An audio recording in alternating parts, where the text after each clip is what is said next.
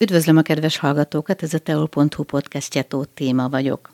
Jelenlegi vendégem Ruib Gergő, szexárdi fotográfus, aki a miniszterelnökség nemzetpolitikai államtitkárság által meghirdetett Magyar Szemmel című fotópályázat külön díját nyerte nemrég, a Völtség ékszerdoboza című závott településről készített felvételével.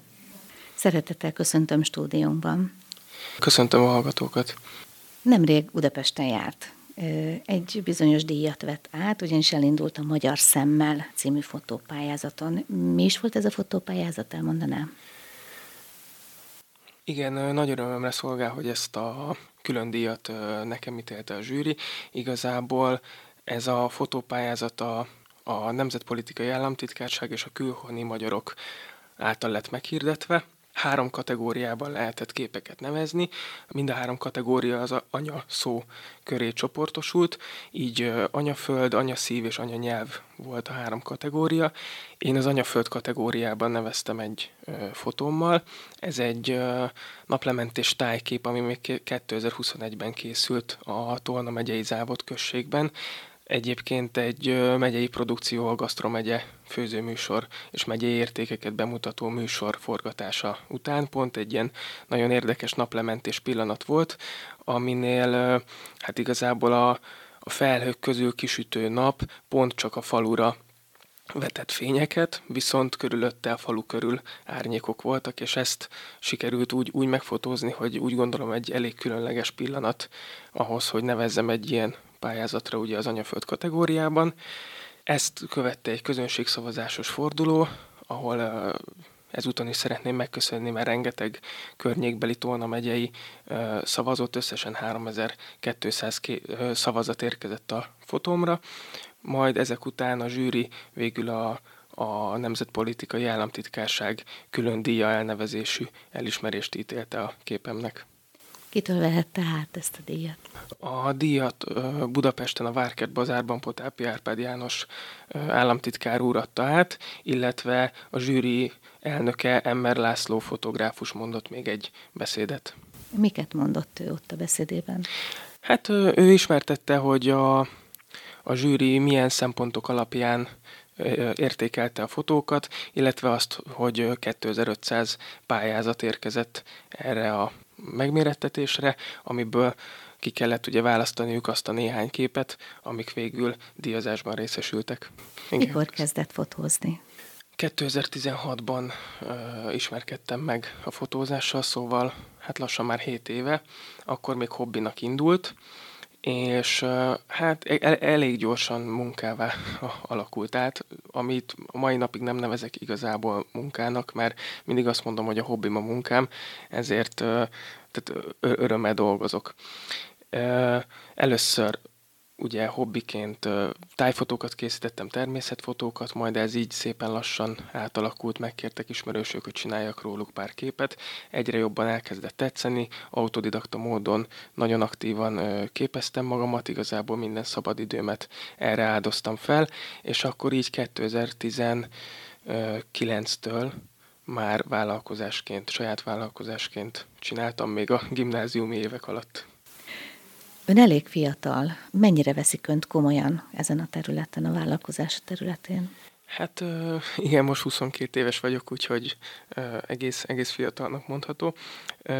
16 évesen kezdtem el fotózni, és ugye 18 évesen, amikor nagykorú lettem, akkor kezdtem a vállalkozásomat. Hát igazából elmondható, hogy 18 évesen még ugye a gimnáziumi évek alatt, amikor már ugye elkezdtem dolgozni, akkor még kevésbé vettek komolyan az ügyfelek, de egyébként már akkor is ö, voltak megbízásaim, és, és ö, szuperül elindultak a dolgok.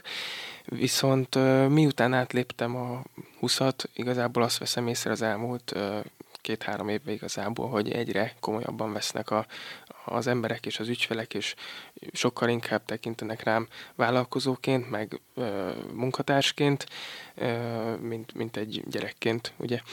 Pedig nem állok messze tőle. Előfordul, hogy behajálják másoknak? A munkáimnak jó része egyébként így, így érkezik. A legfontosabb talán a, a, az ajánlat, amikor, amikor egy elégedett ügyfél tovább ajánl egy ismerősének, barátjának, viszont hát szó, igazából közösségi média oldalakról is érkeznek megkeresések, meg a weboldalomon keresztül is, de talán ez az ajánlás a legfontosabb. Most már csak embereket fotóz? Nem, most már igazából embereket egyre ritkábban, jelenleg inkább nagy részt különböző rendezvényeket, ebbe beletartozik a, a kisebb átadóktól kezdve az esküvőkön át nagyobb rendezvényekig, például a Szexárdi születi napokig, Pünkösdi napokig, vagy Kalocsai Paprika Fesztiválig nagyobb rendezvények is.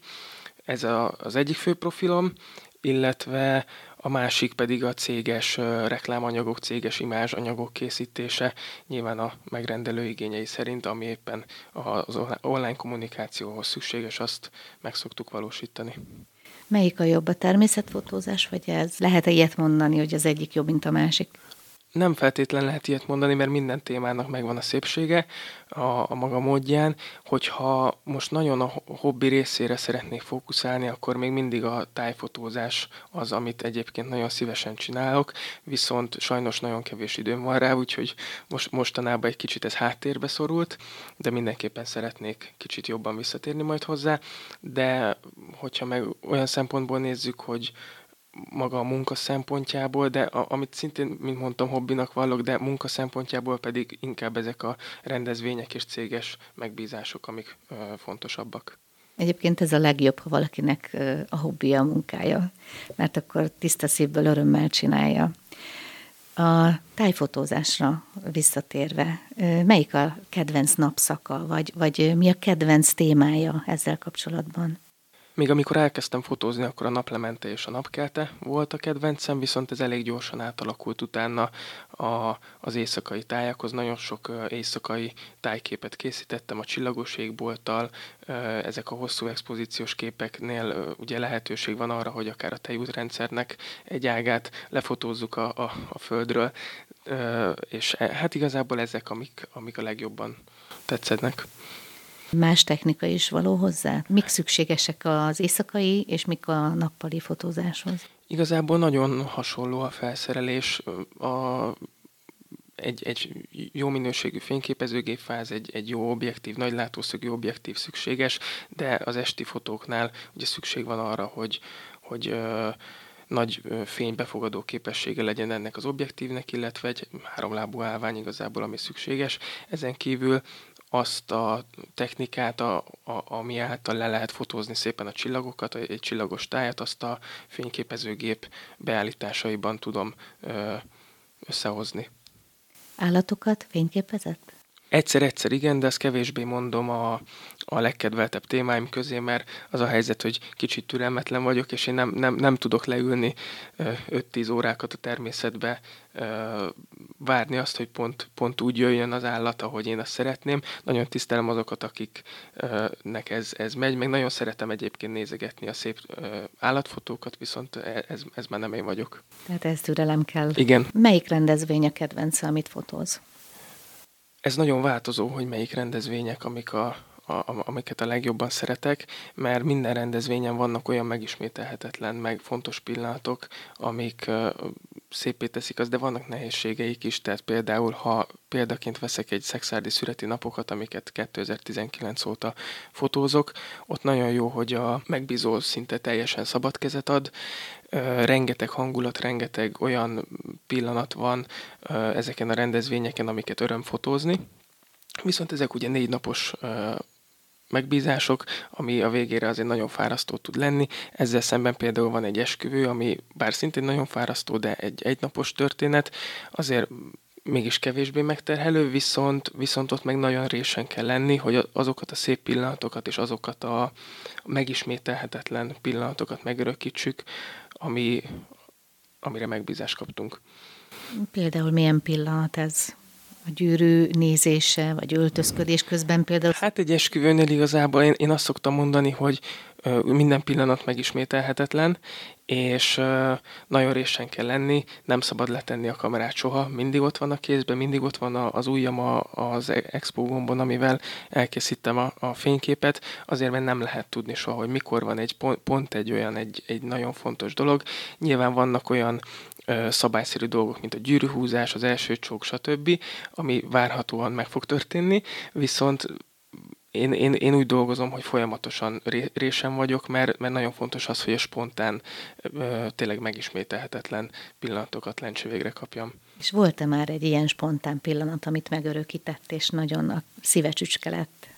Hát igazából minden eseményen vannak ilyenek, tehát a, ez, ez, ezt, a, ezt az esemény hozza magával, ö, résen kell lenni, és ezeket el lehet kapni, de van egy, van egy ilyen fotó egyébként, az ö, talán egy pünkösdi napokon készült, amikor a, hát a színpad hátulja az egy fekete ilyen kerítéssel, ilyen fóliával el szokott ö, lenni kerítve, és volt rajta egy kis szakadás, és a koncert közben három ilyen négy-öt éves kisfiú bedugta a fejét ezen a, ezen a szakadáson, és igazából a, annyi látszódott a színpadon belülről, hogy a három kisfiú ö, nagy mosolyjal a, csak a feje, be, fejüket bedugták ezen a lyukon, és, és onnan nézték a koncertet igazából pre, premier plánba a legelső sorból.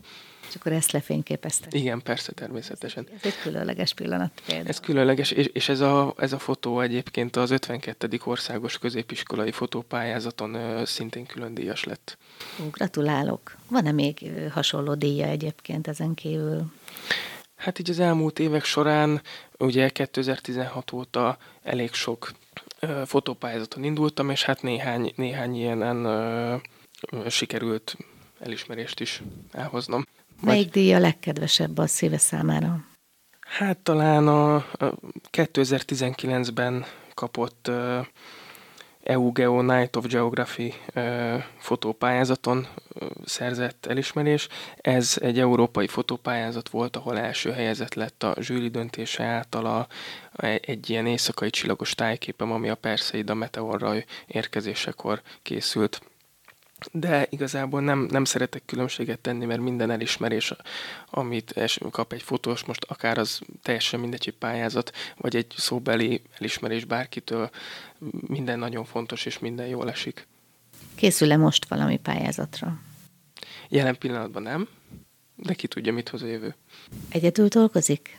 Többnyire egyedül dolgozok, viszont uh, ahogy fejlődik az ember, sajnos elkerülhetetlen. Hát sajnos, nem sajnos, igazából ennek vannak pozitív és negatív tényezői is, de, de én úgy veszem észre egyébként, hogy többnyire pozitív, elkerülhetetlen, hogy másokkal is együtt dolgozzon az ember. Sokan egyébként fotósok magányos farkasként dolgoznak, de én inkább mostanában az elmúlt egy-két évben szeretek inkább jobban csapatban gondolkodni, és hát, hát vannak olyan projektek, igen, amiben alvállalkozókat bevonok, akár legegyszerűbb példa, hogyha egy esküvőfotózásnál az ifjú pár kéri, hogy legyen egy másodfotós, legyen két fotós, aki két irányból egész nap két látószögből, vagy két szemlélettel örökíti meg a pillanatokat, akkor ez természetesen megoldható, illetve azt kell tudni a munkámról, hogy nagyon nagy hangsúlyt fektetek az utómunkára, ami rengeteg munkaórát jelent, ezáltal kapják meg a képeim azt a képi világot, ami hát talán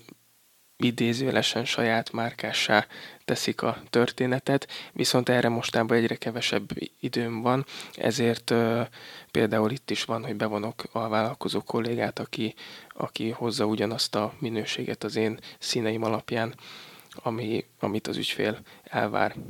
Ez ilyen szűrőket jelent? Tehát képszűrőket alkalmaz, meg képváltoztatásokat? Hát nem, nem igazán nevezném szűrőknek, a köznyelvben ez igen, szűrők meg filterek szoktak lenni, de ez a szakmán belül egy sokkal komplexebb és bonyolultabb dolog. Tehát egyesével az összes színen lehet módosítani, tónusokon, színarányokon, stb. Ez egy hosszadalmasnak mondható folyamat, valójában több időt vesz igénybe, mint maga a fotózás, de így, így érhető el az a végeredmény. Ezt igazából régen is megcsinálták a fényképészek előhíváskor a sötét kamerába különböző vegyszerekkel, szóval igazából ez a mai világban egy digitális előhívás, hogyha szabad így mondani, képfeldolgozás. Gyakorlatilag élettel telibbé teszi a képet élettel telibbé, meg igazából a megrendelő üzenetét sokkal jobban lehet közvetíteni, meg ha van egy elkapott pillanat, ami adott esetben éppen picit sötétre, világosra sikerült, mert csak hirtelen oda kell fordulni és lefotózni, nem biztos, hogy van idő arra, hogy a tökéletes expozíció elkészüljön, akkor igazából minden korrigálható. Mi volt a legutóbbi rendezvény, ahol fotózott?